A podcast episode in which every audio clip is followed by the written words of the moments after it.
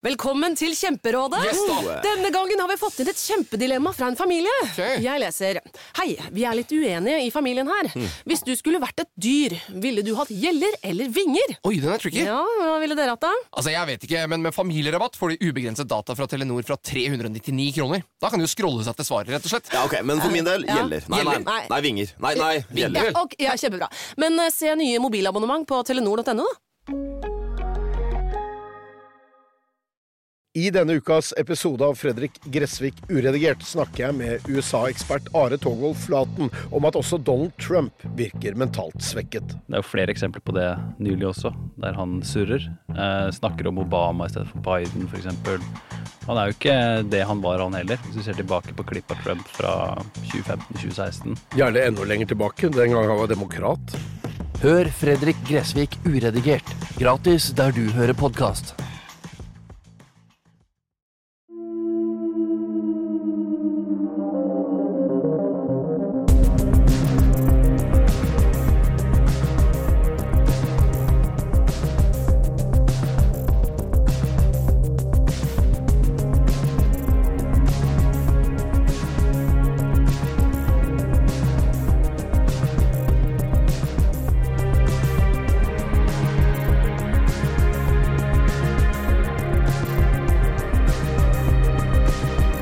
Dere skal få høre nå er jo eh, litt opprørende.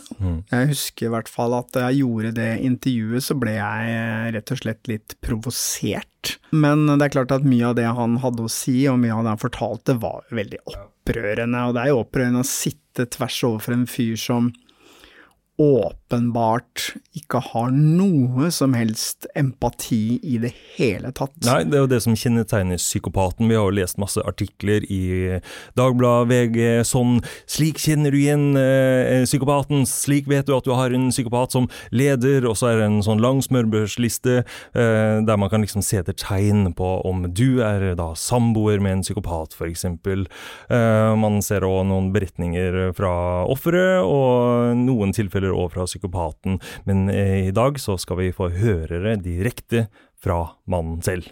Ja, og Så kan man jo stille seg spørsmålet hvorfor man skal høre på dette, men jeg tenker det er litt viktig fordi at eh, dette med psykopater, sosiopater, narsissister jeg vet ikke om det er liksom innafor å bruke alle disse begrepene lenger, men det, vi snakker jo om personlighetsforstyrrelser. Om mennesker som ikke har noen empati, som, eh, som har en måte å oppføre seg på som skader andre mennesker. Og eh, veldig mange av disse artiklene har jo fokusert på, som du sier da, eh, hva skal man se etter, hvordan skal man komme seg vekk fra det hvis man blir utsatt for eh, sånne typer mennesker, fordi de kan gjøre stor skade. Og eh, vi hører jo også i dette intervjuet at han vi snakker med har jo ingen problemer med å utnytte folk på det groveste. Og, og gjør det kanskje på en måte som, eh, som er ganske rystende å høre på, da. Mm. Dette er en person som vi vet eh, elsker oppmerksomhet. og Det er det han er ute etter. og Derfor han kom hit. Derfor har vi valgt å anonymisere han så godt vi kan, da. Ja, vi ønsker ikke at han skal få den gleden av å, og sole seg i at han får lov å fortelle om alle de fæle tinga han gjør, men, eh, men ved å anonymisere han, så syns vi det er riktig å publisere det, og så kan man få kanskje et lite innblikk i hvordan sånne type mennesker fungerer og tenker, da. Dette er jo en episode som vi tidligere har publisert på Podme, men eh, nå er den ute i åpent marked. All right. Eh, Velkommen til oss. Jo, takk. Du eh, har altså drevet med svindel i flere år. Ja. Kan ikke du fortelle litt? Jeg har tilegnet meg penger fra ekskjærester og offentlige myndigheter, herunder Nav, eh, for å mm, klare meg økonomisk i hverdagen. Fordi jeg ikke ønsker å jobbe. Ja. Hvordan har den eh, svindelen fungert da? Hvordan gjør du det? Um, jeg fikser uh, bank-ID via ekskjærester på at jeg blir kjæreste med dem via Tinder og sosiale medier. Flytter inn til dem, får tilgang til bank-ID-en deres og tar opp forbrukslån på dem. Um, og så bruker jeg også ID-kortene deres til å ta opp um, Eller ta trygden fra dem. Det man trenger da, er egentlig bare et skjema fra Nav, der man fyller inn navn og fødselsnummer på dem. Og fyller ut da mitt eget kontonummer. Eh, Så blir pengene da overført fra Nav over til meg. Ja, trygd, sier du. Eh, for, og du får det til å høres ut som en veldig enkel sak å bare bli kjent med disse damene, og så skaffe seg informasjon fra de. Hvordan, gjør du det? Jeg velger jo som sagt å være ganske kynisk og manipulerende og gå eh, mot de mest svake du finner i samfunnet. Eh, det gjelder funksjonshemmede, psykisk utviklingshemmede eller personer som gjerne har verger rundt seg. Eh, eller bor i en kommunal bolig, en omsorgsbolig. Mennesker som rett og slett ikke har noe mm, kjæreste eller noen som følger godt med, eh, og er veldig ensomme, kan man si. Og jeg prøver å fremstå som ganske suksessfull, lage en historie om at jeg er i full jobb, og noen ganger er jeg politi, andre ganger er jeg pilot. Ja, prøver på en måte å fremstå best mulig, og da liker jo dem meg ganske godt. Jeg pleier å møte dem i full dress, og, og da er det jo veldig vanskelig å tenke Det er ikke noe gærent med han her, han virker ganske ålreit. Og når jeg har fått det jeg vil ha, av penger og informasjon og sånn, så drar jeg. Hvor, hvor lang tid varer de forholdene her, da? Det kan ta fra mm, noen dager til noen uker. Det kommer litt an på hvor lang tid jeg trenger for å få tilgang på bank-ID og litt sånn. Man må jo også Noen er litt, har vært litt mer samarbeidsfulle enn andre med å eh, la meg sitte ved siden av dem og logge meg inn på nav.no og bank eh, betale regninger. Mens andre så må jeg rett og slett bare prøve å lure det ut av dem. Ja, Gå i, i nattbordskuffen og i Ja, lommeboka rett på og slett ta. Ta bankkortet for å se fødselsnummeret og ta kodebrikken, og så begynne å gjette meg til hva det personlige passordet er, og det er gjerne et kallenavn. Så, På dem selv. Eller et kjæledyr, eller et familiemedlem som har gått bort. Man lærer seg teknikken etter hvert når man først har holdt på. ja. Så, og du har, disse forholdene har du gått inn i kun med tanke på at dette er personer du skal svindle. Ja. Du har fått noen barn, har du ikke? Fått noen barn, ja. Eh, alle barna mine er eh, tatt under omsorg av barnevernet på hemmelig adresse. Eh, og de mødrene er psykisk utviklingshemmede. Ja. Du har ikke noe skrupler med å, å utnytte psykisk utviklingshemmede damer? Um, man kan jo si at det blir en slags avhengighet uh, på mange måter, og man kan jo sikkert spekulere gjør du dette med vilje, eller um, Det handler vel kanskje om at psykisk utviklingshemmede er litt mer kritisk enn vanlig. Uh, mennesker som er litt mer oppegående. Jeg tror at mange av dem ville vært litt mer kritiske til å ta en mann inn i huset sitt, eh, og kanskje tenkt seg om to ganger. Men hvor mye penger har du svindlet totalt, da? Min siste eks som jeg fikk barn med, eh, hun svindlet jeg for 2,5 millioner kroner. Jeg tok opp forbrukslån eh, jeg til fem banker på rundt 900 000. Pengene ble overført til min konto, og så tok jeg opp tre billån på navnet hennes. Men betyr det at eh, når du sitter og forteller om dette nå, så virker det jo liksom som det er noe hverdagslig? Har du ingen eh, form for samvittighet? Føler du ikke noe som helst dårlig samvittighet over å sette andre mennesker i en eh, veldig vanskelig situasjon? Nei, egentlig ikke. Alt handler egentlig om meg og hva jeg vil ha. Eh, det handler ikke så veldig mye om dem. Det handler om en overlevelsesinstinkt som jeg har for å overleve økonomisk. Men trenger du 2,5 millioner kroner for å overleve? på lang sikt så kall det investering. Får ikke du penger fra Nav? Jo, men de pengene bruker jeg opp på kanskje noen dager. På noen dager, hva bruker du de pengene til? Jeg bruker penger på reise, ferier, eh, ja, bilkjøp, reparasjon av bil. Ok, så Også, det handler ikke om at du trenger disse pengene for å overleve, men du trenger dem for å leve et eh, luksuriøst liv, det er det du sier? Ja, mer eller mindre. Eh, mer luksusfellen der pengene, når pengene slutter, så må jeg finne noen andre å få mer penger av. Men hvor, lenge har du tenkt, hvor gammel er du nå? Jeg er 30. Du er 30. Har du tenkt å holde på med dette her til du blir 70, eller? Eh, Jeg var ferdig med dette her i juni i fjor. Da fikk jeg meg en ny kjæreste, og hun er eh, veldig oppegående. Og hun har jo mer eller mindre fått meg til å slutte helt med dette her. Ok, så du har liksom gitt opp svindlerkarrieren, er det du sier? Ja, det er over det nå. Så lenge jeg har en samboer som eh, stiller litt mer krav, for å si det på en annen måte. At hun aksepterer ingen svindel. Men hva lever dere av nå, da? Eh, Vi lever av trygden min, altså hennes lønn. Og så prøve å få tilegnet meg litt ekstra penger i måneden av Nav. Det vil si at jeg slipper å betale husleie eh, og bruke trygden min selv, at utgiftene går på henne og ikke meg, fordi da betaler Nav husleien hennes og litt sånne ting. Men vi har jo sett at du har lagt ut en del sånne YouTube-videoer, Ja. hvor du eh, egentlig eh, skal fortelle andre hvordan de skal eh, svindle Nav. Hvorfor gjør du det? Derfor forteller den et smutthull i regelverket. Mest av alt så handler det veldig mye om at samboere har ikke forsørgelsesplikt overfor hverandre, og at man kan eh, seg husleiekontrakter og prøve å gjøre eh, hva skal man si, husstandens eh, samlede utgifter så store som mulig, sånn at man kan tilegne seg ekstra penger av Nav generelt, og så kan man starte opp eh, leieforhold som eh, ikke er reelle. Så målet mitt er jo rett og slett at eh, mennesker kan se smutthull i systemet, og jeg venter jo enda på at eh, Nav sentralt ringer for å ta en prat. eh, Vet du noe mer hva vi burde endre på? Mm. Det er kanskje mitt mål. Det er ikke bare at jeg skal snikte meg mest mulig penger, men det er jo en del av det. Men det er kanskje at uh, offentlige myndigheter ser dette her da, og tenker sånn Kanskje vi må Nå ble jeg litt forvirra. Fordi at i utgangspunktet så sier du at uh, du lever godt av å svindle Nav og få masse ekstra penger fra Nav. Men samtidig så vil du at Nav skal, eh, det offentlige Norge skal endre på reglene, sånn at ikke du lenger kan gjøre det. Hva er logikken her da? Ønsker du ikke å fortsette å svindle Nav? Jeg liker ikke ordet svindle. Jeg føler ikke at jeg svindler dem når jeg får penger lovlig. Jeg eh, forteller om et smutthull. Jeg ønsker selvfølgelig å tilnærme meg penger, eh, men samtidig så ønsker jeg at Nav undersøker generelt.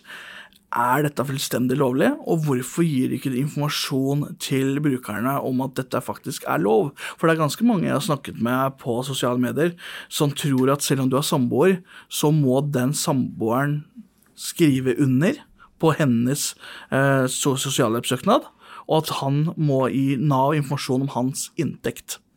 Um, det er mer kvinner det går på, for det er mest kvinner som søker om det, siden hvis det gjelder barn, f.eks. Um, når man er gift, så er det litt andre regler, men når man er samboer, så skal man i teorien ikke ha forsørgingsplikt overfor andre. Og målet mitt har generelt vært to ting. Å klare å ha best mulig økonomi for den enkelte husstand. Og nummer to, at mennesker som har fått gjeld og fått trekk fra namsfogden og Statens innkrevingssentral, kan etablere en husleiekontrakt som ikke er gyldig i det hele tatt, for å stoppe den trekket, for å få best mulig økonomi. Men eh, de- disse videoene legger du de ut for å eh, skryte og vise hvor flink du har vært til å finne dette smutthullet? Jeg ønsker å provosere så mye som overhodet mulig. Hvorfor det? Fordi at det tilegner meg følgere, det tilegner meg um, en forståelse om at det går an å leve uh, på staten, rett og slett. Ja. Og når du sier staten, det er jo eh, Jeg har, jeg, har et stort sugerør inni statskassa for å dra mest mulig ut Ja. av velferdsstaten, om det er helsetjenester, eller om det er fra Nav, eller eh, Forstår du hva poenget med Nav er? Eh, Nav er vel en mål at du skal bli selvhjulpen etter hvert, men eh, som jeg sa første gang jeg møtte dem da jeg var 18 år, Ja. eh, da ble jeg heldigvis uføretrygda da, så sa jeg jeg har tenkt til å Dere skal forsørge meg frem til jeg dør. Og da sa han ja, men det, jeg er bare en midlertidig ordning, da. du må jo prøve å klare deg litt selv. Jeg syns det passer bra sånn som det er nå, jeg. Men, for du er ikke interessert i det? Nei. Det er flere arbeidsoppgaver du hadde klart å gjøre? Ja, det er ingen tvil om det. Jeg var ganske arbeidsom i fengselet da jeg satt i Bergen. Og jeg jobba jo snekker, sveising, kjøkken, utegruppe. Jeg var var sikkert gjennom nesten hver eneste arbeidssted de hadde i fengselet. Ja. Uh, og jeg storkoste meg med det. Ja. Um, Du er bare ikke interessert i å jobbe ute i samfunnet? nei. Vet du hvordan Nav finansieres, da? Av skattebetalerne. Ja. Og jeg bruker jo det ordet ganske mange ganger på, som videoblogg på Snapchat, at jeg er veldig glad for at dere skattebetalere for finansierer hverdagen min. Og det provoserer jo ganske mange mennesker. Ja, du syns det er helt greit at andre betaler for deg? Det er eh, sånn velferdsstaten er bygget opp, og det har jo vel ingenting med meg å gjøre, men jeg ønsker å benytte den så godt som mulig.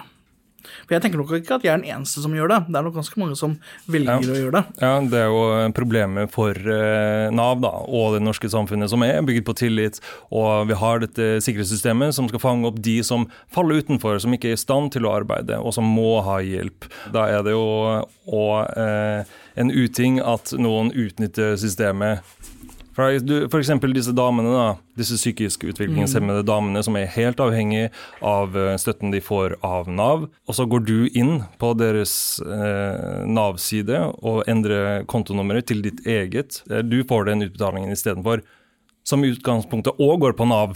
Har du tenkt å Skal det her betales tilbake, eller? Nei, jeg har aldri fått noe krav på i det hele tatt, jeg. Du, du har jo dommen, da.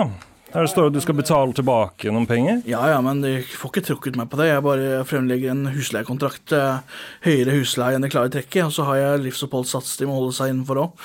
Så de får ikke trukket meg noe av dem. De har holdt på med dette her i rundt tre år. Jeg har ikke fått trukket en eneste krone. Nei. Men eh, Statens innkreving av namsfogden jobber hardt hver eneste måned for å prøve å gjennomføre trekk. Ja. Man må være ganske frampå for å ikke bli gjennomført noen trekk. Men det du sier er at du har en falsk husleiekontrakt, er det du Ja. sier? Har du laget den kontrakten selv, da? Nei, jeg nå, I Oslo for eksempel så har jeg sett på en leilighet. Eh, ba om å få en husleiekontrakt. Så skrev jeg under på den elektronisk. Så sa jeg til huseieren en dag etterpå jeg fant en annen, jeg. vi annullerer hele husleiekontrakten. Så beholder jeg husleiekontrakten selv, og så benytter jeg den.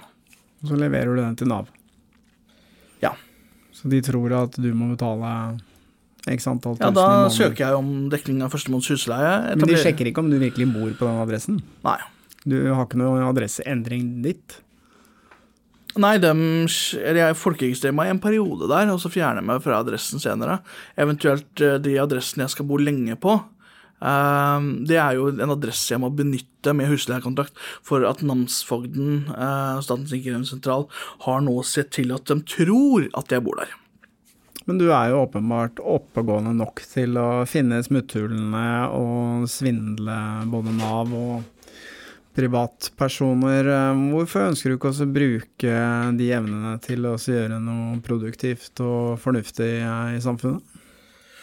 Jeg ser for meg at når man ikke har noen, absolutt noen utdanning, eh, og man har en del utfordringer psykisk, så er det jo veldig vanskelig for meg å gå ut i arbeid. Eh, men jeg tenker at noe kunne jeg nok klart. Men i det lange løp så tror jeg nok en arbeidsgiver vil ha store utfordringer med å ha meg på jobben. Det er litt sånn ulike aspekter. Den ene er liksom om man får utageringsutbrudd. Eh, Jeg har jo personforstyrrelse, og det blir jo på en måte betegnet som å være psykopat. Og i den betegnelse så er det jo ganske kan være direkte litt sånn farlig eller ubehagelig for andre mennesker. Ehm, og så er det det aspektet at jeg er veldig aktiv på sosiale medier. Og da er det veldig få eh, arbeidsgivere De fleste arbeidsgivere søker på Google, og da står jeg som svindler. Eller at han søker meg opp, og da finner du YouTube-videoene mine. og da tenker jeg nok de fleste arbeidsgivere hadde ikke ansatt meg. Fordi alternativet da, hvis jeg hadde blitt ansatt, så hadde jeg jo delt dette på sosiale medier. Og så hadde det kanskje ringt ganske mange folk. Du, nå skal du få høre, han her er svindler, han holder, han gjør det og det og det. Og da blir jeg sagt opp på dagen. Ok, men disse videoene som er lagt ut, har du gjort selv. Ja. Så du har liksom bevisst diskvalifisert deg selv fra å være i arbeid. Ja, men jeg tenker samtidig jeg vil forvente en aksept i samfunnet. At man skal kunne være annerledes i samfunnet. Man skal kunne leve et annerledes liv. Skal kunne lure andre mennesker. Leve ja, på staten. Mer eller mindre. Noen, noen benytter den muligheten. Gratispassasjer. Ja. Jeg benytter de mulighetene jeg har. Så du syns at det er ok at uh, Jeg- folk lever sånn? Det er vel ikke direkte ok, men det er en overlevelsesmåte. En overlev... Ja, men jeg skjønner ikke helt. Du snakker om overlevelse. Men i neste setning så sier du at det handler om å skaffe seg luksusgjenstander. Det har vi ikke noe med overlevelse å gjøre, har det det, da? Skulle jeg fulgt regelverket til punkt og prikke, så ville jeg kanskje sitte igjen etter husleie med rundt 7000 kroner. Og det er ikke nok. Nei, for da ville måtte jeg låst meg til hjemmet. Og Så du mener at du fortjener å kunne reise og gå på Tusenfryd og, og bruke penger eh, og andre betaler for deg. Det syns du er fortjent. jeg ser meg selv først, og jeg vil leve så godt jeg kan lengst mulig. Og nyte livet så godt jeg egentlig kan. På andres regning. Ja, det er dessverre dem det går utover. Kan ikke du fortelle om din første svindel? Må jeg tenke tilbake. um, min første svindel, det var når jeg skulle selge en mobiltelefon på finn.no, en iPhone. Uh, jeg skulle jo selvfølgelig selge den, det var jo planen. For du hadde en mobiltelefon Ja, jeg som du hadde en iPhone jeg skulle selge, Ja, for nå hadde gikk... jeg kjøpt meg en ny iPhone. Ja, ja. Eh, Det er sånn det pleier å gå i. Og så var det flere som ville kjøpe den samtidig, og det var allerede to som forhåndsbetalte. Og så var det to med postoppkrav som godtok det. Da, da fikk jeg liksom tjent den fire ganger, og da blir man jo ganske besatt av det generelt. Eh, Ok. Og da fikk jeg ganske mange anmeldelser på den der eh, iPhonen der, da. Eh, Det er det man leser om sånn tidvis i avisa, om en eller annen person som fikk tilsendt en pakke med smør eller en murstein. Jeg bruker hvetemel, jeg. Vet, vet, Vet du er på hvete? hvetemel det syns jeg er litt sånn enklere. Ja. Det er for at de skal kunne kjenne, kjenne vekta når de henter pakken i postoppgrav? Ja, eller en, en pakke med mais. Det går også. Ja. Og, men brukte du da ditt fulle navn? Ja, jeg har egentlig alltid brukt mitt fulle navn. Det, Ja. det har jeg. Så jeg har aldri vært noe bekymret for generelt det. Hvor, hvorfor ikke det? For det vanlige, og, og hvis du gjør en sånn type svindel, at du skjuler bak en eller annen annen hadde jeg brukt et annet navn, så på, på pakken for eksempel, så hadde ikke det gjort noe, for pengene kommer til min bankkonto. Mm. Og da hadde ikke det hatt så mye å si. Det er litt vanskelig å Halla, kompis, kan jeg låne bankkontoen din, så kan du sende pengene til meg etterpå. Mm. Det er ingen som hadde gått på den, Nei. selv om jeg har prøvd. Det har jeg. Men det var ingen som ville låne kontoen sin til meg. Nei. Ja, for det har du gjort et par ganger, den der um, selge ting på Finn. Du har en mobiltelefon, to mobiltelefoner og en PC, var det vel? Ja. Ja. Men, og det, det har du blitt dømt for? Det er dømt for, ja. Ja. Men det er mye annet jeg ikke er dømt for òg. Men eh, det er jo det de klarte å ta meg for. Ja, hva er du ikke dømt for, da? Det er jo lignende som dette her, men det er liksom større kvanta. Mye mer saker, mye mer komplekst. Eh, men det går i Det går i det samme. Men det er vanskelig å bevise, og så er det jo saksbehandlingskapasitet, og så er det noen som ikke vil anmelde. For mange tenker at det, det, politiet tar det ikke alvorlig uansett. Eh, og mange saker har også blitt henlagt etter avhør, fordi at man tenker jo sånn at politiet har sine måter å avhøre personer på, men jeg har jo også lært meg mine metoder å eh, spille uskyldig, da. Fortell. Ja, eh, det er tre metoder som politiet bruker. Det er jo om de har bevis. Hvis jeg vet som mistenkt at de har egentlig ikke noe bevis som knytter meg til saken, så trenger jeg egentlig ikke å tilstå noe som helst. Har de, har de et bevis, et bildebevis f.eks. fra et offentlig sted, da ryker jeg litt mer. Og da, da er det bare å tilstå. Og det er de sakene som havner der. Der de ikke har noe bildebevis, eller teknisk bevis, så prøver jeg å snike meg unna. Men jeg vet samtidig at hvis jeg ikke eh, forteller sannheten her nå, eller drar andre inn i saken, så kan de risikere å ta meg på falsk, til, fal, ja, falsk forklaring. Da. Og da blir jo saken enda mer alvorlig. Eller for eksempel hvis jeg lager dokumenter, da er det dokumentforfalsk. Hvis jeg på en måte lager det. Jeg håper alltid på når jeg kommer til avhør, at politiet har ikke et eneste bevis. Men det får man vite til slutten, og da må jeg kanskje endre litt. Og da sier jeg vel ganske enkelt at du kan ikke vi bare begynne fra starten igjen? Ja, jeg tror det er best for oss begge to, og jeg, sånn. men jeg kommer ikke til å slette det, bare så du er klar over det. Nei, nei, nei. nei. Men, men du blir ikke anmeldt for falsk forklaring.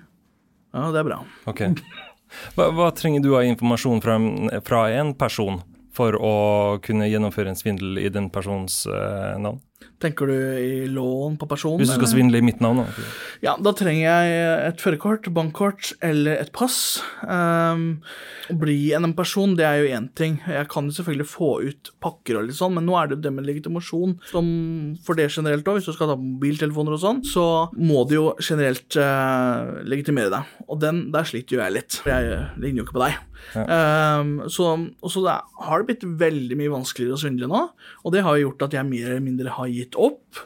Uh, fordi at man må ha denne bank-ID-en. Og den må man jobbe litt for å få tak i. Og ma mange tenker jo sånn eh, Jeg hadde mange diskusjoner når jeg satt med andre innsatte i fengselet, og de sa at det kan vel ikke være så enkelt å få tak i en bank i det. Nei, det er ikke så enkelt. Eh, du må være ganske slu, og du må være ganske smart, og du må være ganske flink til å snakke for deg, eh, og ikke virke altfor desperat. Eh, men teknisk sett så er det ikke mulig å få andre persons bank-ID uten at du faktisk har litt kjennskap til personen. Du kan jo selvfølgelig eh, knekke opp mange postkasser rundt i Oslo, men sannsynligheten for at en av de får et pass i den postkassa, er liten, eller en bankbrikke. Den er også veldig liten. Så den enkleste og, og greieste måten er at du må komme i kontakt med noen på. Og mange tenker sånn at mange har banken veldig hemmelig. Ja, der tror jeg folk tar veldig feil. Mange låner jo til og med bort banken for å gjennomføre en betaling, f.eks. Den har jeg prøvd meg på et par ganger. Du, jeg trenger å kjøpe en månedsbillett, du får eh, 300 kroner på Vipps av meg. Ja, ok, det er greit. Og da har jeg banken din, altså. Du tulling.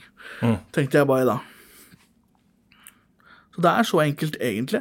Eh, man må bare finne de, eh, en god grunn da, for å tilegne seg denne bank-ID-en her, uten at personen mistenker noe. Ja, for jeg så den saken der du har bestilt en eh, fra dommen din, der du bestilte en reise på SAS. Ja. Hvordan fikk du tak i den persons navn og, og fødselsnummer som du bestilte den reisen i? Eh, var det det med at jeg brukte et visakort? Men han er Nikolai. Ja. Eh, nei, da han sendte en forliksklage på meg, siden jeg først hadde svindla han. Og da fikk jeg tak i fødselsnavnet og fødselsnummeret hans. Og, ikke sant? Du, Ja. Hadde du svindla han på Finn eller noe sånt? da? Ja, og da sendte han en forliksklage for å få tilbake disse pengene her. Og da lå jo all informasjon om eh, navn og adresse, og det er jo det eh, SAS.no trenger Ja. for å bruke Klarna eventuelt. Ja. Og da trenger navn og adresse og fødselsnummer. Og da kunne jeg bestille flytur. Da tok jeg en kompis eh, som bor på vestkanten, og som tur til Stockholm, og reiste på første klasse eh, med SAS Pluss. Så vi storkoste oss. Så eh, du svindla han her ja. nok en gang? Så hadde blitt svindla Ja. én gang til. Ja. Men hva, hva skjedde i etterkant av det, da? Da må han blitt rasende. Jeg hørte ikke noe generelt uh, fra han, men nå går de fleste samtalene mine på uh, ja, et telefonsvarer da, som jeg ikke har lagra nummeret til. Uh, men han gjorde vel ikke noe generelt mer enn at det der skjedde. Det var i hvert fall jeg vet.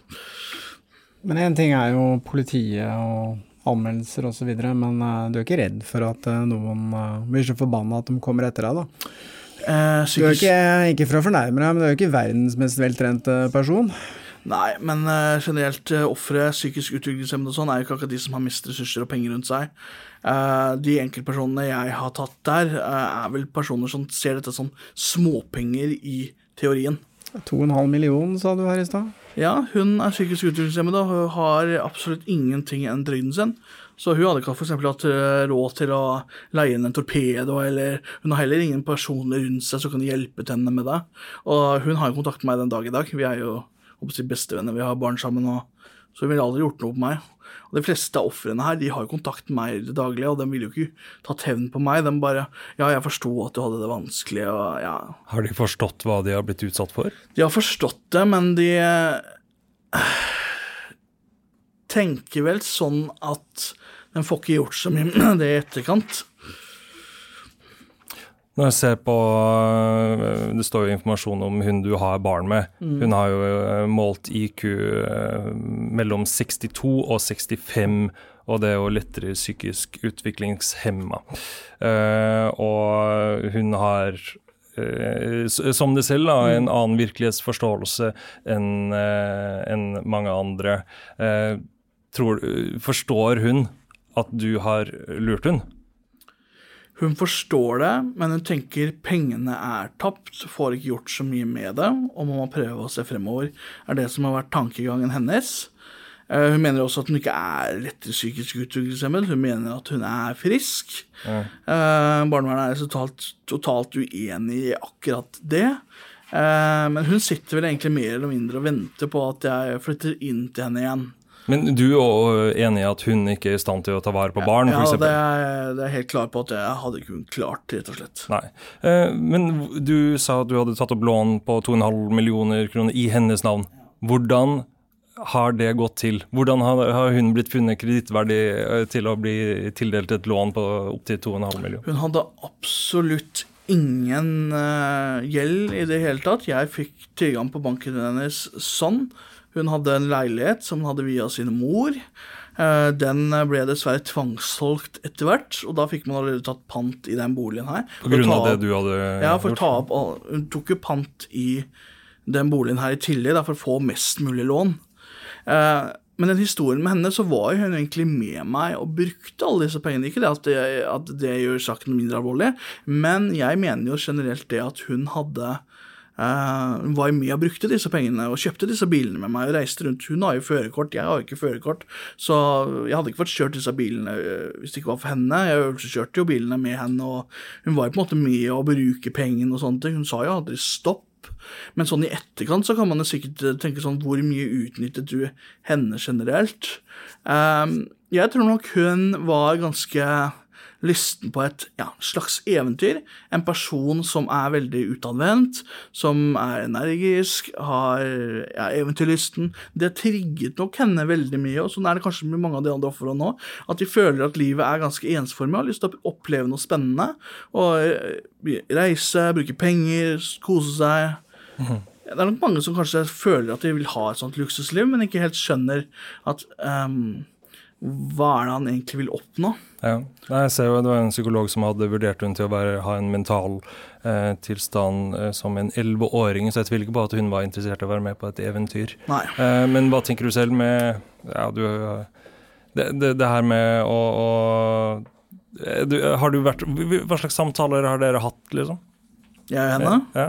Jeg har ikke snakket så veldig mye om det. Hun pleier å Nei, men sånn generelt eh, i, i livet, når dere har bodd sammen, og med sånne generelle samtaler med en person som er på nivå med en elleveåring, hvordan går en sånn samtale? Hun er jo enig med alt jeg er enig i, og gjør det jeg vil. Ja. Og hun sier aldri meg imot på noe som helst måte, så det går egentlig ganske greit. Eh, hun, en elleveåring, ja En elleveåring er jo med på det som er gøy, da, og det er jo hun òg. Ja. Som, og, som eksempel å gå til sengs med Ja, det også, en elleveåring. si. Ja, Så det er helt greit. liksom.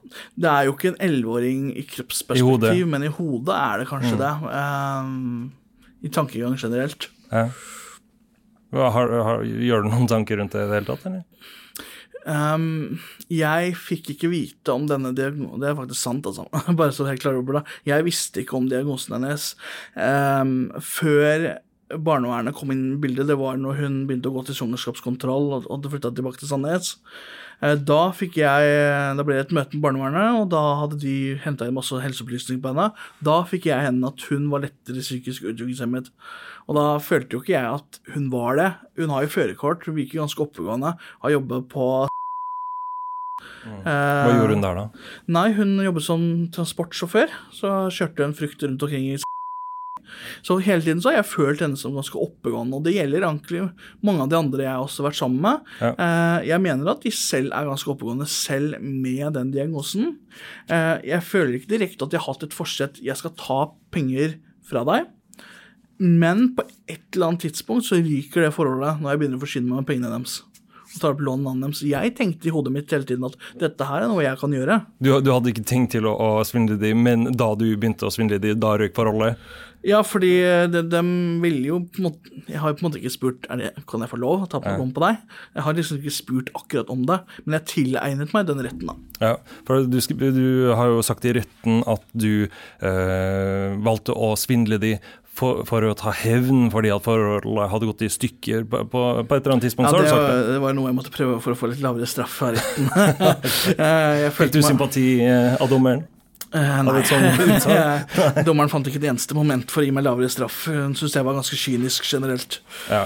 Uh, Men, men hva tenker du om de her Du har liksom de her Finn-salgene dine, og dette med endring av kontonummeret til disse damene som går på Nav. Og så har du, du er noen saker der du har fylt bensin og stukket av. Hva, tenker du om den type svindel? Det ble jo en avhengighet som gjentar seg og gjentar seg og gjentar seg, og å endre meg fra det har vært generelt veldig vanskelig, eh, fordi jeg har vært sammen med kjærester som eh, ikke har sett det noe som problem, og akseptert at du lever litt sånn, og syns det er litt tiltrekkende. Jeg har heldigvis klart å slutte helt med det. Jeg tror ikke det er bare fengselsstraffen i seg selv som fikk meg til å endre meg, men når jeg fikk meg en kjæreste som var ganske oppegående etter hun siste, og på en måte sier at dette er ikke greit, nå skal du prøve å leve et normalt liv, og da skal vi jobbe med det. Men, men tenker du at det er liksom At du har gjennomført det på en god måte, disse tinga? At du har liksom klart det bra? Jeg har jo fått eh, utbytte ut av handlingene mine, det har jeg. Ja. Men syns du liksom svindlene er liksom smarte? Ja, I forhold til hvor mange andre ville svindla for flere millioner, så er det ikke sånn store beløp, men eh, jeg, jeg tenker jo at jeg fant ut hvordan man tilregner seg penger enkelt, da. Mm. Ja, for det er jo nettopp det du sier, det er veldig enkelt. Det er jo en veldig simpel form for svindel Ja. å legge ut en annonse på, på finn.no og si at du skal selge mobiltelefon, og så sender du en pakke med mel Ja. istedenfor. Du får det liksom ikke enklere enn det. Uh, og du har gjort det i ditt eget navn nå, så du vil jo bli tatt for det. Å fylle bensin og stikke av. Også det her med å utnytte disse her uh, damene som ikke nærmest uh, har kunnet klart å gjøre rede for seg, noen av de. Det handlet om å tilegne seg penger uten å få så veldig stor straff for det. Vi, vi har vært borti mange svindlere som har svindla for hundre, hundrevis av millioner, og det er intrikate setups med selskaper og, og utenlandskontoer og hele den pakka der. Har, har du vurdert noe sånt? Forskjellen på dem og meg er at jeg ville fått eh, minimalt av straff i forhold til hva de ville fått hvis den ble tatt. Og jeg ville ikke ha så veldig stor straff. Jeg tenker at mindre beløp er bedre, for da får du ikke så veldig lang straff ut av det. Så du satser på flere caser, men mindre summer, da? Ja, fordi da er det også mindre straff. Eh, man kan jo også se det sånn at mange saker, da burde man fått mer straff enn ikke alltid. Man ser veldig mye på beløpet, hvor stort beløpet generelt er. Eh, hvis man på en måte gjør det veldig stort, da, da blir jo saken overført eh, ikke politiet, men Økokrim. Og Økokrim er litt, sånn, litt mer ubehagelig å snakke med, tror jeg. Ja. Eh, jeg tror heller jeg vil snakke med politiet i Oslo enn å snakke med Økokrim, for da blir det litt mer heavy. Det skal ganske mye til før en sak å havne hos Økokrim, Ja. og da skal du bikke ti millioner, Ja, ja. blir det sagt. Men Uh, Så, for du har jo liksom summer på 1800 kroner og 593 kroner og 666, 648 Tenker du at det, det er helt greit å gjøre seg til kjeltring for, sånne summer? For meg så var det småbeløp. Jeg tenkte det egentlig der og da. Jeg hadde ikke noe så stort plan uh, hvordan jeg skal gjøre det. Det var noe som falt meg inn der og da. At fristelsen var der, muligheten var der. Eh, Jeg hadde ikke noe sånn stor eh, 'nå skal jeg ta deg, nå skal jeg ta deg', nå skal jeg ta deg. Jeg svindlet dem og var sammen med dem frem til de ikke ville ha meg mer og kvitte seg med meg. Og da gikk jeg til noen andre. Ja. Um, Impulskontrollen, ja, den kicka ikke inn. Nei, eller impulskontrollen er ganske lav. Men jeg håpet jo på litt sympati av dem i etterkant etter at jeg hadde svindla dem, og det funka veldig dårlig. Ja, for du gikk tilbake og Ja, og Så prøvde jeg etterpå å få sympati av politiet. da, at eh, Du må tenke litt åssen jeg har hatt det oppi dette her. Ja, for hvordan har du hatt det, da? Hvor- Jeg sa jeg hadde veldig lite penger igjen, og jeg måtte prøve, få tak i penger på en enkel måte, og Nav ville ikke hjelpe meg der og da. Og da følte jeg at jeg måtte bare ta på lån på dem, da. Og skaffe meg penger. Ja.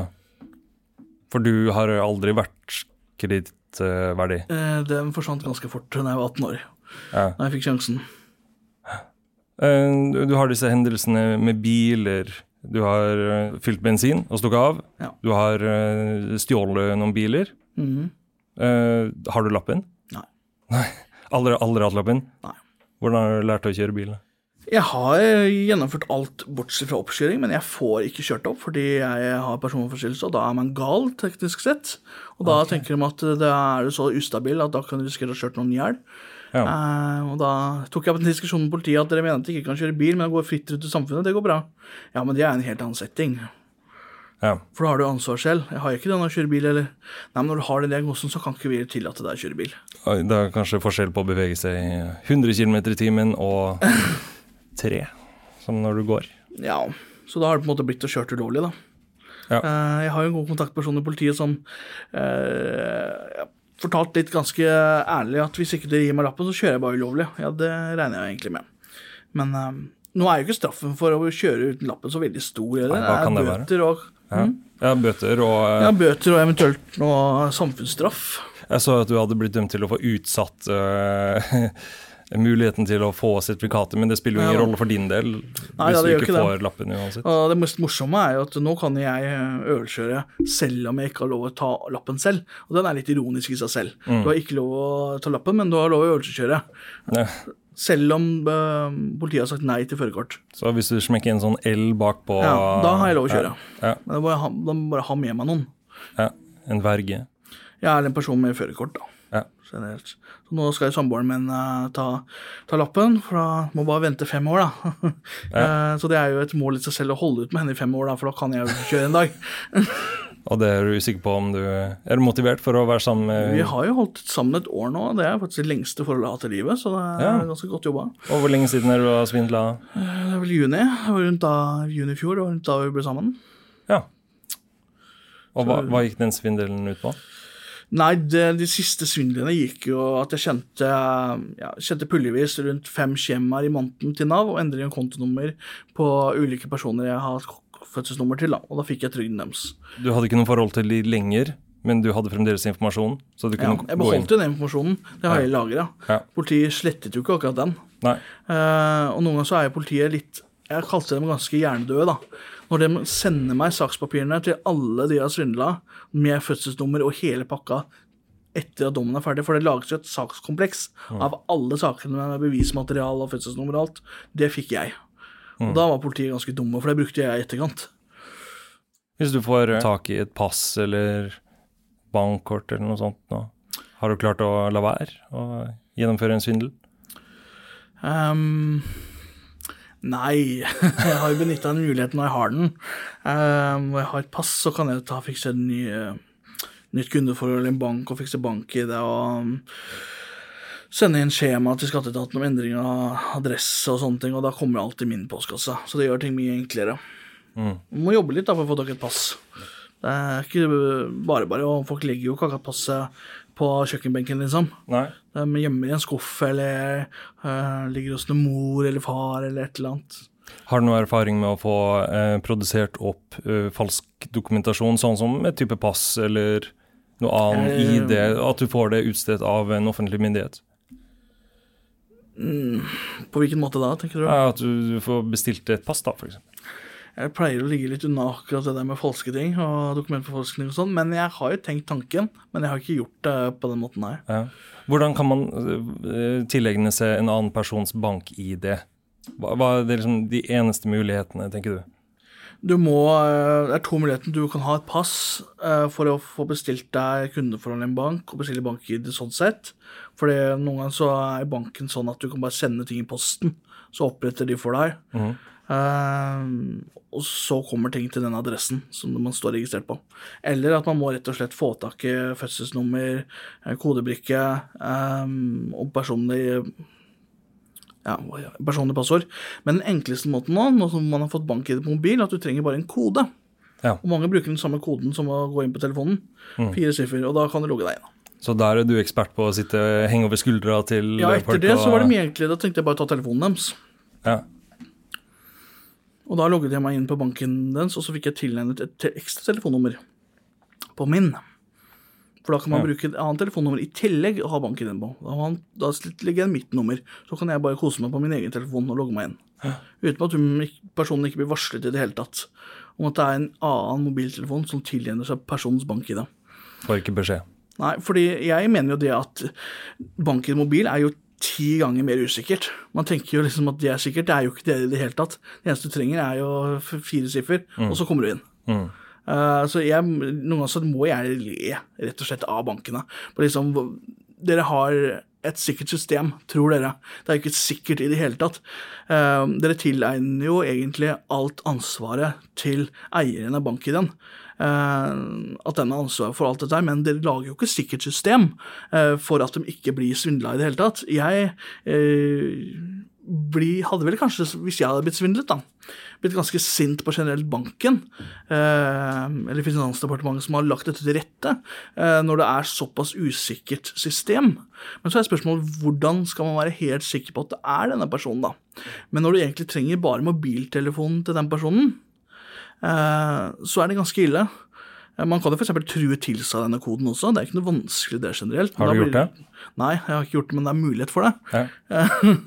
Eh, Men det er ikke noe vanskelig det, det, å finne ut en sånn kode. Man trenger bare sitte ved siden av en person i, i sofaen, og så logger den seg bare inn for å gjøre et eller annet. Og da har man den koden. Eller at den bruker den koden generelt. Og, der- og der har du vært litt aktiv og oppfordra disse som du har bodd sammen med, dine kjærester, til å, å logges inn mens du sitter Ja, og ser på? det er jo så ekkelt å si sånn eh, Skal vi gå på kino? Bestiller du billett? Da må de ha bank-ID for å be bekrefte betaling. Nå må du bekrefte betaling overalt. Så nå er det ti ganger mer lett å få eh, disse opplysningene her. Jeg bruker jo selv bank-ID minst en gang om dagen, føles det ut som. Og de fleste tenker vel ikke sånn generelt hvor flink er du til å skjule det. Jeg, som svindler, jeg bruker ikke bank-ID av en grunn. Jeg vil ikke ha det, fordi da er det mye lettere å svindle meg. Og som jeg har sagt til ganske mange, det er vanskelig å svindle meg. Da skal du være god. Ja, du har ikke blitt svindla? Ikke i det hele tatt. Jeg tror ikke folk blir ganske provosert av at du eh, er litt sånn gratispassasjer og ikke er villig til å jobbe og skal leve på Nav og, og snuske til deg de penga du klarer og syns at det er helt greit. Jeg lever mitt liv sånn som jeg føler, så får andre leve sitt liv og som de vil. Eh, og så får de trakk... Ja, men sånn som du lever livet ditt, har jo en ganske stor innvirkning på alle andre. Tenk om alle hadde gjort akkurat det samme som deg, hva skulle landet leve av da? da?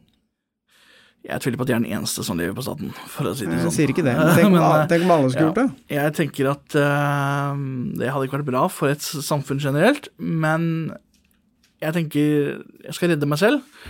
Og ja, Drit i alle andre. teknisk sett, ja. Ok. Men uh, hender det at du sitter og reflekterer over akkurat det du sier nå? Drit i alle andre? Jeg har et helt annet verdensbilde enn stort sett de fleste samfunnet, og alt dreier seg Fortell meg om det verdensbildet, for jeg forstår det ikke. Jeg skal tilegne meg penger, muligheter og bli hørt, bli, få muligheten til at alle i samfunnet ser hvordan jeg tenker. Alle skal skysle seg etter meg.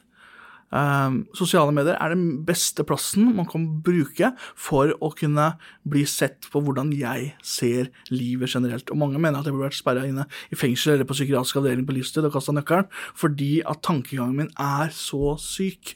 Men det viktigste som jeg prøver å få fram, er at mennesker som har psykiske lidelser innenfor øh, psykopatiske trekk, har en helt annen verdensbilde enn de fleste. Og jeg ønsker å bli sett for det, og jeg ønsker å bli akseptert for det. Um, Så du ønsker at andre mennesker skal akseptere at du har et uh, syn på verden og livet, at du egentlig uh, Alt skal handle om deg, da.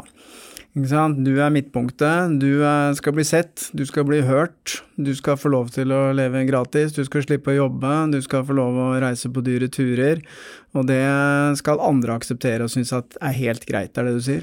Ja, for i hodet mitt, de menneskene jeg møter i det offentlige rom, ingen av dem kjenner jeg. Ingen av dem kjenner meg. Hvorfor skal jeg tenke på dem? Jeg, har jeg aner jo ikke hvem folk er generelt. Man må liksom være litt egoistisk, man må klare seg sjøl, tenke litt på seg selv. Uh, jeg Litt på seg selv? Ja, ok. Veldig mye på meg selv, da. Men uh... Men det litt av det som er greia med det, er at selv om du hadde visst hvem eh, du svindler og hvem du tar pengene fra, så hadde ikke det spilt noen rolle. For det har du jo vist gjennom alle dine dommer, at dette er jo folk du har hatt et nært forhold til, det er jo folk du har barn med, Ja. og du svindler de, og det, det bryr deg ikke. det, jeg skal ha det best mulig. For det, det som er sånn fascinerende, er at du er såpass bevisst på disse her eh, I i hvert fall fremstår det sånn. Men for du har jo fått noen papirer på at du har eh, de og de diagnosene. Så om du selv forstår det, eller om du bare har lest det til det og Eller hvordan fungerer det? Jeg har diagnosene. Jeg glemte dessverre å sende over mail på papirer fra Gaustad sykehus. Der står det litt mer detaljer på eh, diagnose og litt sånn forskjellig. Og der står det jo mm, For det er veldig sjelden at eh, psykopatene er fullstendig klar over det selv. Og det er i hvert fall de færreste av det som eh, sier det rett ut. Det fins over 50 000 ulike personer i samfunnet med psykopatiske trekk. Noen er større enn andre. Um, jeg satt inne i nesten to år og gikk eh, to dager i uka til psykologspesialist i fengselet, og han prøvde å lære meg til å tenke annerledes og prøve å forstå sin eget sykdomsbilde. Jeg tror nok de fleste kan, selv om de har psykopatiske trekk, forstå at du er problemet. Du er ikke som alle andre. Du må selv tilnærme deg å være annerledes i samfunnet. For du forstår at du er problemet, men, Jeg, jeg vet jeg er sjuk i huet, for å si det rett ut. men, men, Um, men du går til behandling. Føler du at det hjelper, eller? Hjelper det er- Skjer det noe oppi topplokket der? Nei, jeg føler egentlig ikke det. Men jeg tror nok at de ser det litt betryggende at det er en eller annen oppfølging. Ja. Eh, at de har litt kontroll på meg. Så det er mange involvert som på en måte skal ha litt ansvar for at jeg får den hjelpen jeg trenger. Eh, og litt sånn samfunnstrygghet generelt. Um, All right. Um, hva tenker du om, om din egen fremtid, da?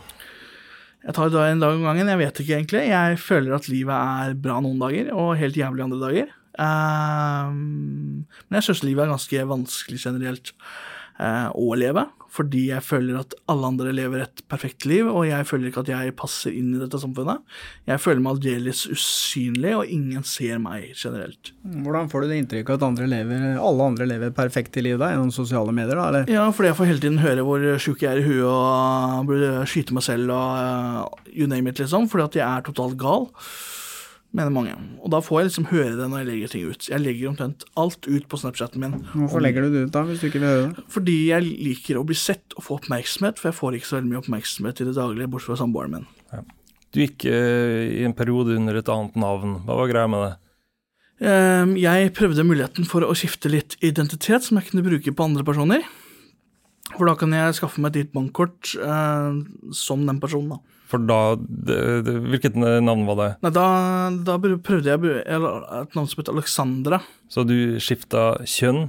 Eller skifta Planen- kjønnsidentitet? Planen min var å bli, bli Lene Alexandra, hun artisten. ja. Du skulle bli hun? ja, eller jeg skulle ha hennes identitet. My boobs are okay, eh, dama? Ja. Ja.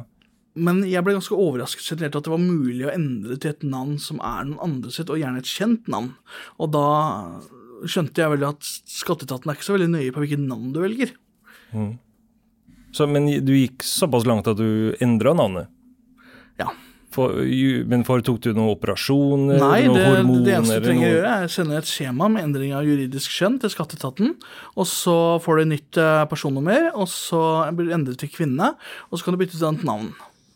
Og da har du blitt en ny person, og det gamle personnummeret er jo da endret, og da er det borte for godt. Og da mm, er du på en måte en ny person, da, kan du si. Men, hvordan gikk det med den svindelen? da?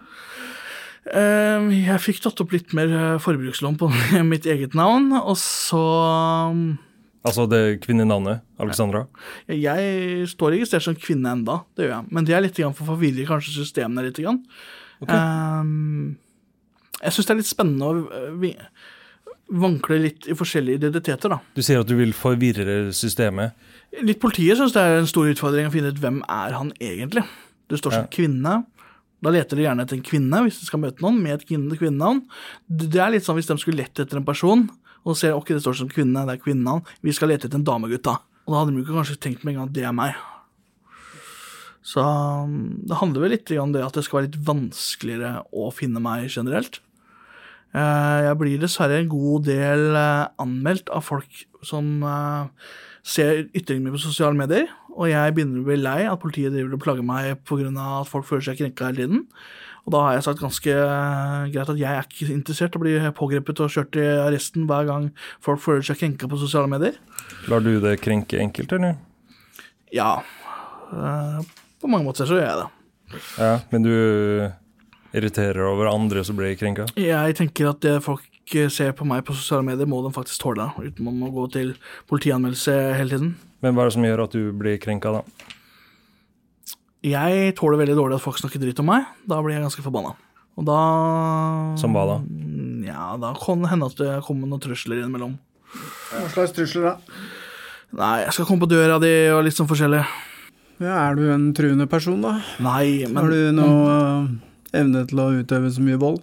Jeg bare, blir bare veldig fort sint. Ok. Og så roer det seg, og så sier jeg etterpå unnskyld etterpå. Men jeg er ingen voldelig person, men jeg kan bli ganske fort hissig, da. Hva er det som hisser opp, da? Nei, negative tilbakemeldinger, hvor dårlig person jeg er, da Jeg har vanskelig for å styre følelsene. Eh, Personlighetsforstyrrelsesutbrudd handler veldig mye om at eh, de generelle følelsene Mange mennesker har jo følelsene på stell, holdt man på å si, men når jeg får følelsesutbrudd, så kan jeg bli ekstremt forbanna. Og da er jeg ikke noe eh, fare for at jeg slår noen, eller skjer, men jeg kan risikere at mange ser meg som truende og aggressiv. da. Rope og skrike? Ja, litt sånne ting. Og da kan mange føle ok, er han voldelig? De fleste som kjenner meg innenfor politiet, vet at jeg er ikke voldelig, jeg er bare veldig hissig. Uh, men jeg er glad at noen som kjenner meg godt, forstår det, da. At det er bare en utagering jeg får da, og så roer det seg ned.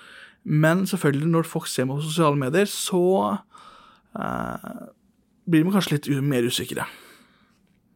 Ja, du, vi har jo sett noen videoer. Du fremstår jo ikke akkurat sympatisk.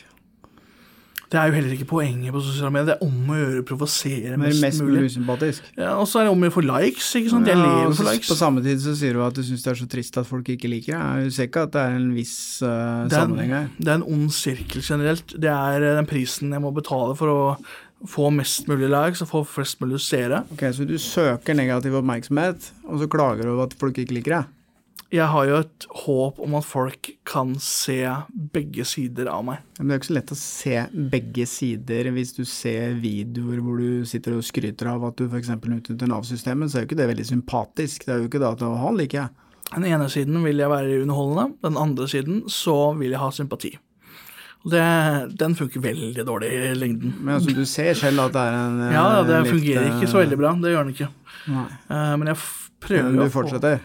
Ja, jeg prøver å få sympati så godt jeg kan. Sym ok, sympati Du prøver å Du ønsker å få sympati ved å opptre usympatisk.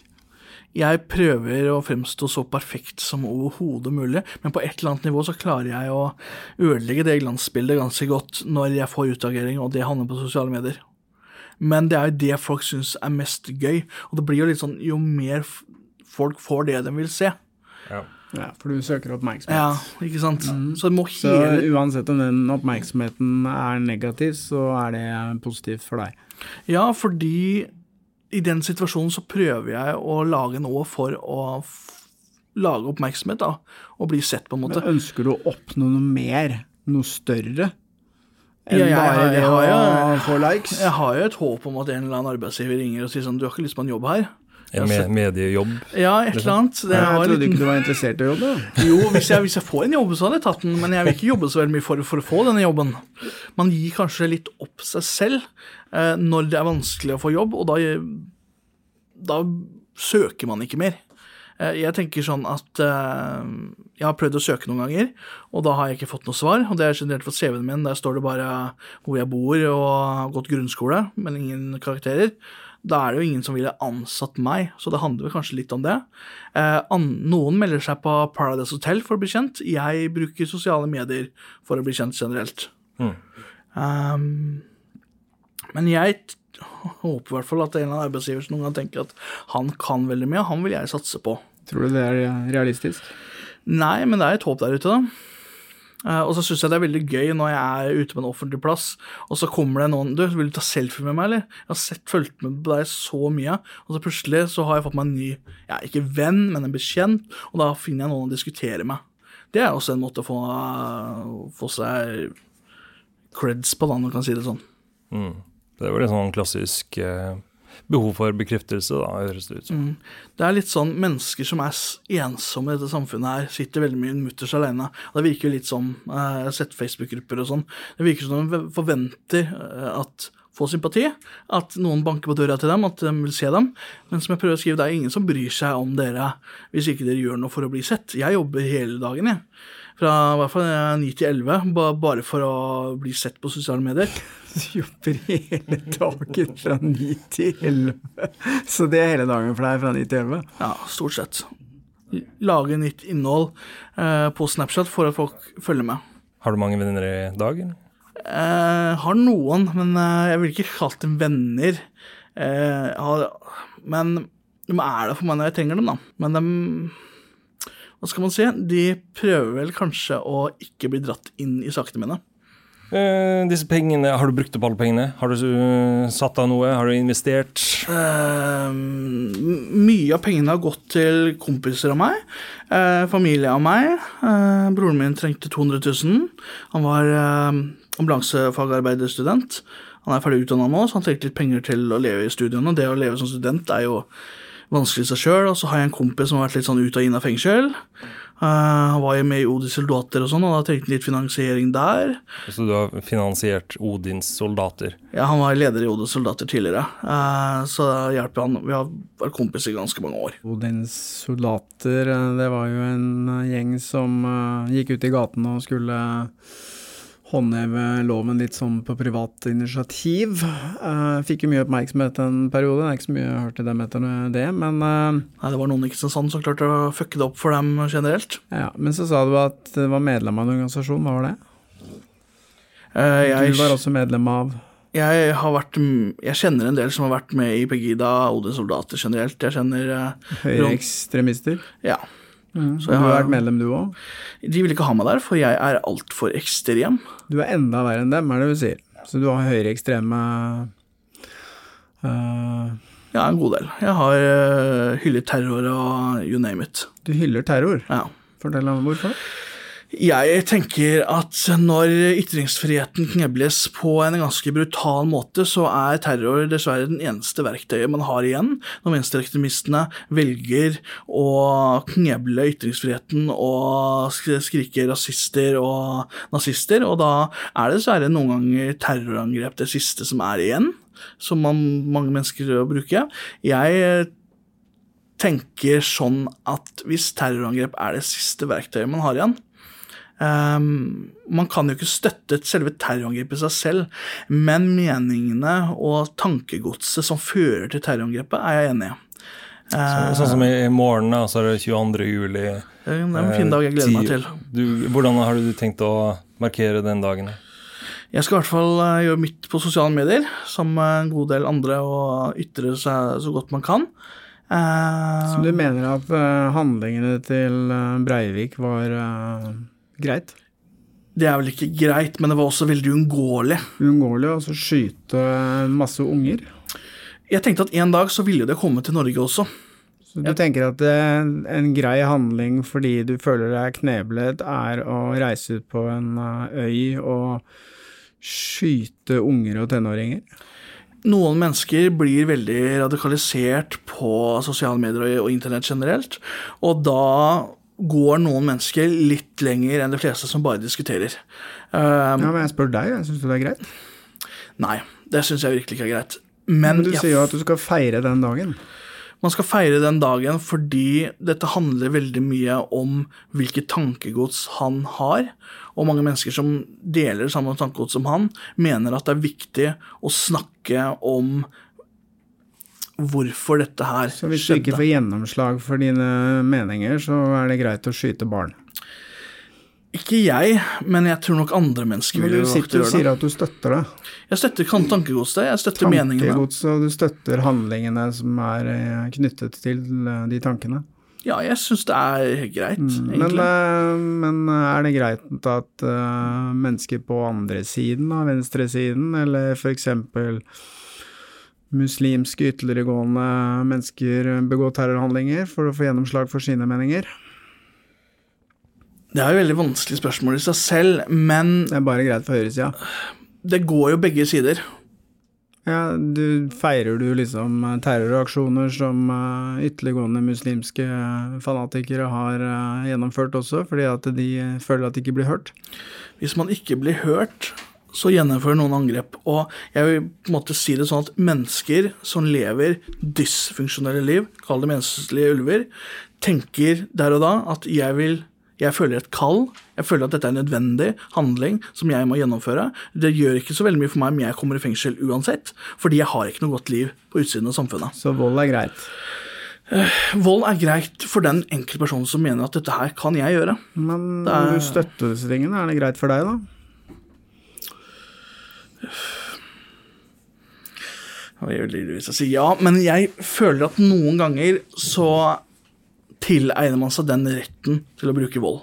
Du tilegner deg en rett til å bruke vold. Så hvis uh, du har noen meninger som uh, ikke flertallet oppfatter som ok, så har du din rett til å begå voldelige handlinger, er det du sier? Ja, men jeg ville ikke gjort det selv, men jeg forstår hvorfor veldig mange andre velger å gjøre det. Så du har forståelse for en organisasjon som IS, da, hvordan de eh, gikk frem for De et par år siden? hadde en tankegang i forhold til at man skulle kvitte seg med alle de vantro. Selvfølgelig jeg tenker at det er helt forkastelig, men samtidig så følte jeg vel ikke at det var så veldig mye mange som prøvde å stoppe. Nei, men metodene de brukte for å gjøre det, tenker du er greit? Det er jo selvfølgelig ikke greit, men jeg prøver samtidig å forstå det. Hva er det som gjør at en sånn organisasjon blir til, og hvorfor er det ingen som fikk en stopper for det? Eh, Jeg, tenker jo sånn Når man ser at flere mennesker reiste fra Norge til Syria, hvorfor stoppet ingen mange av dem på Det ble det jo. Det var jo mange som ble stoppet, så det er ikke Ja, men ikke alle. Nei, og jeg tenker men, at eh, Det er jo kanskje ikke så enkelt å stoppe alle, men det var jo mange som ble stoppet. Men uh, som Helge nevnte, 22. juli morgen, tiårsmarkering uh, for eh, dette angrepet. Eh, når du sier at du skal feire disse tingene, har du, ikke som, har du ingen empati med disse som ble drept, skadet, traumatisert, familier? Ingenting? Syns du det er greit? Jeg har fullstendig empati for de som ble skadet, men jeg tenker også at dagen er en dag man skal tenke. Man bruker eh, navnet, navnet aldri mer 22. juli. Hva betyr egentlig de ordene? Betyr det at man skal fortsette at venstresiden og høyresiden går og snakker drit om hverandre og driver og, og omtrent kriger på sosiale medier, eller skal man prøve å snakke sammen og prøve å forstå hverandre?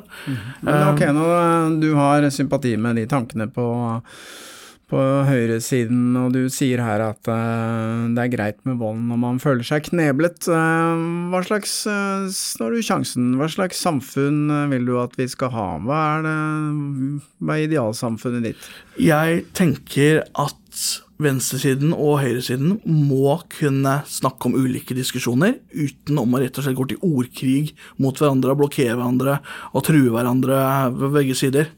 Eh, eksempel det at Sian får ha demonstrasjoner. Jeg syns man går altfor langt med å vise så mye hat mot en organisasjon som mener noe helt annet enn dem. Selvfølgelig, man kan se det som hatprat, det de holder på med, men jeg tenker at det er legitimt at de faktisk blir hørt. Men, men nå svarer ikke på spørsmålet, for det du sier nå er jo at uh, du syns at folk med ulike meninger skal få lov å, å diskutere uten å bli knebla, men hva slags samfunn er det du ønsker? Du sier jo selv at du er tilhenger av uh, høyreekstremisme. Hva- Hvordan skal vi leve i Norge? Jeg vil ha et samfunn uten jøder, muslimer og kristne i Norge. Ok, Så kristne òg, ja. Så Ja. ingen religion, er det jeg, du Jeg er ateist, så jeg er mot all religion. Og jeg trives ganske godt med det. Hva skal vi gjøre med de som tror på noe annet enn det du tror på? Jeg tenker at vi skal ha religionsforbud i Norge. Ok. Så du skal ha ytringsfrihet med religionsforbud? Mm. Ok, Men eh, er ikke det en del av ytringsfriheten, da? Ytringsfriheten skal være så vid som overhodet mulig, men jeg tenker at religion i et samfunn eh, kan skape mer splittelse enn politisk eh, godhet generelt, fordi at det skaper så veldig mye uenigheter. Eh, religioner er jo på ulike sider, og man kan jo selvfølgelig si at kristne har jo ikke alltid vært mye bedre enn muslimene, og omvendt. Eh, og hvis vi ser alle disse sammensetningene Jeg sier jo ikke generelt at den enkelte muslim i Norge er et problem, men sammensatte tankegodset i seg selv kan fremprovosere et samfunn. Fremprovosere et samfunn? Eh, De aller fleste samfunnene de er jo totalt uenige med det høyreekstreme. Det høyreekstreme er jo ganske liten gruppe i seg selv. Men den lille gruppen kan også forårsake en god del uroligheter generelt. Ehm, Jeg har fullstendig forståelse for eh, de angrepene som ble gjort 22.07. Jeg tenker at den dagen skulle aldri skjedd. Og samtidig så bruker jeg også tiden min på sosiale medier og prøve å diskutere med ulike personer fra høyre- og venstresiden for å prøve å få opp en saklig debatt generelt, og det tenker jeg at samfunnet egentlig trenger. Eh, Jeg, har jo på en måte snakket med flere overledere fra Utøya som føler det, at de er glemt. De har ikke blitt hørt, det har gått ti år siden. Nå får de muligheten til å kanskje bli litt sett. Eh, Jeg tenker at vi må ha en ytringsfrihet hvor alle kan slippe til, og man slutter å komme med hatprat og trussel mot hverandre fra høyre- og venstresiden for å få et bedre samfunn.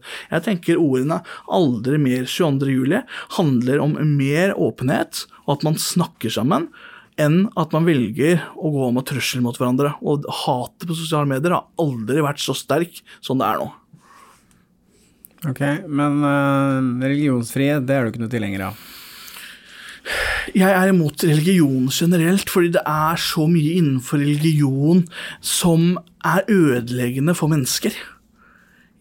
At mennesker skal leve etter en religion Men hvordan har du tenkt å gjennomføre det i praksis? Det blir nok veldig vanskelig, men jeg kan ha i hvert fall et håp om at det blir sånn. Men jeg Du sier jo at du ønsker et forbud mot religion. Jeg tenker at man ikke skal ha religionsfrihet i Norge. Hvis Hvordan skal du håndtere det? Hvordan skal du gjennomføre det? Det er nok Skal du fengsle folk da, som går i kirken eller i moskeen? Jeg hadde vel lagt ned hvert eneste moské i hele landet for å gi totalt forbud mot det. Hva folk gjør i sin egen hjem, det legger ikke jeg meg opp i. Men jeg tenker at når man skal ha eh, moskeer og sånne ting som jeg er totalt imot, så tenker jeg at det er greit, fordi jeg tenker at vi vet jo ikke hva som egentlig skjer i disse moskeene. Ok, Så du ønsker å legge ned alle moskeene? Alle kirkene da, skal stenges? Det er vel veldig få som går i kirker om dagen, for å si det sånn. Det er ikke noe problem, er det du sier? Nei, ikke egentlig. Jeg tenker at et samf øh, samfunnet vi har nå, er Norge et mindre kristent land enn det var for 100 år siden. Og det er veldig få som er kristne i Norge. Um, og jeg tenker ikke generelt at det ville vært noe stort problem. Hva med begravelser og alle sånne kirkelige handlinger da, som er litt viktige for folk? Det skal legges ned. Jeg har aldri gått i en dåp, begravelse, uh, you name it. Jeg er så imot det. Jeg tenker at Kirken er jo et sted hvor man døpes, man gifter seg, men jeg tenker at det skal det skal ikke gjennomføres i en kirke, eller noe skal være religiøst rundt dette. Hva tenker du er liksom, utgangspunktet for at man starta med religion, da? Det var vel at man hadde kom noen utsagn, man hadde en tro man, det, det handler liksom om livets ja, Om det skjer man, fins noe etter døden og litt sånn forskjellig. Men mange har en tro og livssyn. Jeg har ikke den troen, og jeg kjenner ganske mange som ikke har noe. Ja, men Det har jo blitt knytta veldig opp mot uh, statene, f.eks. Mm. Hvordan uh, et land blir drevet. Så var det jo kirka. Pass deg for Eller gjør det her, eller så skjer dette her. Mm.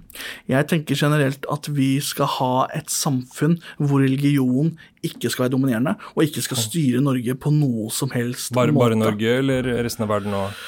Jeg ser, mitt eget, jeg ser Norge først og fremst, for det er her jeg bor. Hva man velger å gjøre i resten av verden, det legger ikke jeg meg opp i. Okay. Muslimene kan gjøre hva de vil, og kristne kan gjøre hva de vil, og jødene kan gjøre hva de vil utenfor Norge, men jeg vil ikke ha dem her. Jeg vil ikke se dem, jeg vil ikke høre om dem. Og Du vil ikke høre om dem? Nei, nei det er liksom, jeg vil ikke. Nei. Det er liksom Jeg går ikke mot enkeltpersoner jeg møter dem på gata, men når jeg på en måte eh, må se dette på nyhetene og høre om det, og eh, se egne programmer mot eh, id og sånne ting, det, det provoserer meg veldig mye. Mm. Fordi mange Det er ikke alle som har så stor interesse av det, egentlig. Nei. Og hvorfor skal religion ha så mye å si i et samfunn? Det er noe eh, inni, inni der som, som, som sier til deg at oi, kanskje dette er en vrangforestilling. Kanskje det, det er feil å si sånne ting at vi ikke skal ha moskeer eller muslimer eller jøder Mm. i Den landet. ene, du kan si på en måte, den ene dagen så hyller jeg terror, på den andre dagen så henger jeg med sosialistene. Ja, hvis, du, altså- hvis det gir deg noe, hvis du skjønner liksom greia der, at enten så er jeg grei å ha med å gjøre, eller så er jeg vanskelig å ha med å gjøre. Er du schizofren? De har ikke fått diagnosen, men de har vurdert det på mange måter. At jeg ikke helt forstår egentlig hva jeg driver med, og derfor har på en måte ikke politiet vært så veldig redd for det. Fordi på kveldstid så kan jeg rett og slett hate alt, og dagen etterpå så eh, elsker jeg alt, og da er alt, alt er greit. Men så på annen på et eller annet tidspunkt i løpet av en dag så endrer tankegodset seg fullstendig, og jeg får skikkelig vrangforestillinger. Men når du hater alt som du sier, har du noen gang hatt tanker om å gjøre noe drastisk? Skade noen? Nei, ikke egentlig, men jeg har Jeg har tenkt sånn at jeg vil bli sett, da, for de meningene og tankegodset jeg har. Men jeg har ikke... bli sett. Du vil bli anerkjent. Du vil få respekt. Du vil at folk skal tenke Jeg- ja, ok, at- ja, dette var fornuftige ting. Jeg vil at folk skal forstå det at mennesker med de psykiske lidelsene som jeg har, eh, kan være like jævlige for meg som for de menneskene som er rundt meg. Selv samboeren min synes, sitter mange ganger og lurer på er det nå jeg skal ringe 112, eller skal jeg la være. Samboeren din sitter og lurer på om hun skal ringe til politiet. Ja, ikke sant? Når jeg på en måte sitter eh, og snakker med høyreekstreme og sitter og leser tankegodset mitt på internett og begynner å hate alt i verden og, og, og ser på 22. juli-film og nesten nyter det, og da begynner hun å bli litt bekymra. Men samtidig så merker hun at plutselig, etter noen timer, så fungerer normalt igjen. Da har jeg ikke det hatet lenger. Så på et eller annet tidspunkt så tiltrekkes jeg av vold generelt. Av actionting. At det kobler hodet mitt på en annen måte. Det er derfor jeg har blitt videoblogger på Snapchat. For å dele hverdagen min, eh, om hvordan tankesettet faktisk forandrer seg. Og mange syns det er ganske fascinerende hvordan det går inn å være så sinnssykt ustabil i hverdagen. Okay. Men hva tenker du om eh, fremtiden med tanke på svindel? Sånn som det er nå, så har jeg sluttet med det. For uh, det ville vært så veldig kjedelig for samboeren min å bare se meg en time i uka i fengselet. Det er litt den tanken nå. Uh, hadde jeg ikke hatt henne, så hadde jeg oka rett inn. Det er jeg ganske sikker på. Hvordan traff du henne? Mm. Hvordan traff du henne? Ehm, jeg traff henne via sosiale medier. Hun så meg når jeg hadde en roadtrip i fjor sommer på Snapchat. Og da sendte hun meg en melding, og så ble vi kjent, så møttes vi, og så ble vi sammen. Fordi hun syns at jeg virket ganske spennende. Og hun er vel kanskje den mest oppegående personen jeg noen gang har vært sammen med. For hun, hun er i full jobb og, og går ikke på Nav. Nei, det gjør hun ikke. Så det er ikke noe kontonummer eh, som skal endres der med Nei. det første? Det er det ikke. Nei. Hun tenker sånn at hva jeg har gjort før, er noe man bør legge bak seg, og så må man prøve å se fremover. Hun prøver å motivere meg til å komme ut i jobb på mange måter, og kutte ut den negative livsstilen som jeg har hatt tidligere, og prøve å fungere som et vanlig menneske. Men hun ser også at jeg kan ha litt utfordringer med seg, at jeg kjenner et hat mot alle jeg møter. Hvis du kjenner hat mot alle du møter, kjente du hat mot oss da du kom inn døra her? Nei, for jeg er forberedt til å møte dere, men når jeg går på gaten, så føler jeg at ingen liker meg. Og den følelsen den sitter jo en god del når du får så mye hate på sosiale medier. Det er, inviterer du ikke litt inn til det selv òg? Altså, du, du? Jeg forstår jo det at du har et behov for å bli sett, og du syns det er frustrerende at folk ikke liker deg, folk altså, de hater deg, kanskje og tar litt hardt i. Uh, unngår deg kanskje, men samtidig så, så, så kommer du med en del ytringer og legger ut videoer som ikke akkurat innbyr til at folk skal synes at du er en eh, hyggelig fyr. Hvorfor gjør du det, da? Hvorfor kan du ikke heller legge ut eh, ting som eh, gjør at folk synes at du er en hyggelig fyr, hvis det er det du ønsker å oppnå? det trigger meg veldig mye, den oppmerksomheten og tilbakemeldingen. For jeg får jo noe positivt, ikke bare negativt, men det trigger meg. Det er egen Jodel-kanal hvor folk skriver om meg. Det er egen Discord-kanal hvor folk skriver om meg. Jeg har over 25 000 som ser det jeg legger ut på Snapchat. Det er tilfredsstillende. Ja, det, det er sinnssykt tilfredsstillende for meg å bli sett på den måten der. De utfordringene jeg har i seg selv, kan jo også si veldig mye om hvorfor jeg tilegnet meg de typiske ofrene. Um, om det har noe med diagnosen å gjøre, eller om det er faktisk de Det er jo ikke uvanlig at kvinner eh, som har dårlig fungering, tiltrekkes av litt psykopatiske menn. Det er jo ikke noe folk ikke veit om. Så jeg tenker jo det kan jo selvfølgelig ha noe å si, men det er samtidig ikke så veldig bra. Men de vet jo ikke at du er psykopat.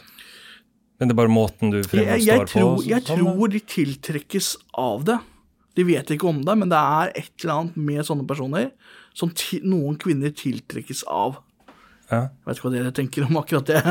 Ja, det, det kan, kan helt sikkert stemme, det. Ja. For det er jo noen som eh, sannsynligvis er avhengig av å få beskjed om hvordan de skal leve livet sitt, hva de skal gjøre, få helt konkrete arbeidsoppgaver og sånn. Og det, sånn som jeg har forstått det, så er jo psykopaten veldig interessert i å styre andre mennesker. da. Så at de da kanskje føler at å ja, det, det, var, det var hendig. Nå kan han her, eh, fyren her fortelle meg hva jeg skal gjøre. Ja, de tiltrekkes av min personlighet, og jeg tiltrekkes veldig at de åpner seg og tar meg inn i livet sitt ganske fort. Eh, hvis uh, skal man møtes på kafé en dag og møtes et par uker etterpå, da gir jeg opp den personen. Jeg må ta en person som er litt mer enklere å ha med å gjøre. Ja, men kult. Jeg tror vi må runde av. Ja, det er nok mange mennesker som har hørt dette nå, som tenker at han er en fyr som bør, kanskje bør beskyttes mot seg selv. Det har vi for så vidt uh, gjort, i den grad at vi har anonymisert ham. Mm. Uh, det er jo ikke han som person Det som jeg syns var mest interessant med dette, her, er liksom å forsøke å, å forstå hvordan sånne mennesker tenker, og hva som driver dem, da. Mm. Han, han, er, han er veldig bastant på enkelte ting, men når han får noen spørsmål, så blir det plutselig en sånn motsigende eh, argumentasjon fra hans side. Jeg har jo i lang tid hatt et sånn inntrykk av at de som har disse diagnosene, de er ikke helt bevisst på hva de gjør, og hva de utsetter andre for, men han her virker som han har en ganske klar formening om det, og det syns jeg er sånn skummelt. Ja, det er skummelt, og så kanskje jeg er litt uenig med deg i det, fordi jeg, jeg har jo lest eh, ganske mye om disse tingene, og, og det som ofte går igjen er at de, er, de vet utmerket godt hva de gjør for noe. Ja. De eh, vet akkurat eh, hva dette, hvilke konsekvenser dette har, men det er liksom tilbake til den derre moralske kompasset og samvittigheten, da, den finnes ikke. Man har ikke noen samvittighet, man har ikke noe empati med andre mennesker. Man bryr seg ikke. Det handler bare om meg. Ikke sant? Og så ofte så har sånne mennesker også litt sånn grandiose tanker om seg selv. At de er spesielle. At de står over andre mennesker. At de er mer verdt. Uh, som igjen er jo veldig sånn typisk for den type personlighetsforstyrrelser. Da. Syns det er viktig å få disse menneskene i tale også, for å prøve å forstå hvordan de tenker, hva som driver dem, og ikke minst kanskje lære litt, uh, slik at man blir flinkere til å unngå den type mennesker, da, hvis man er så uheldig og, og får det inn i livet sitt. Avhørt er produsert av Batong Media. Redaksjonen vår består av Stein Morten Lier, Helge Molvær og Lars Christian Nygårdstrand. Temamusikken vår er laget av Altered States, og hvis du vil høre eksklusive episoder av Avhørt, gå inn på podmy.no eller last ned Podmy-appen. Du finner oss på Facebook som Batong Media, eller på Instagram som Avhørt podkast.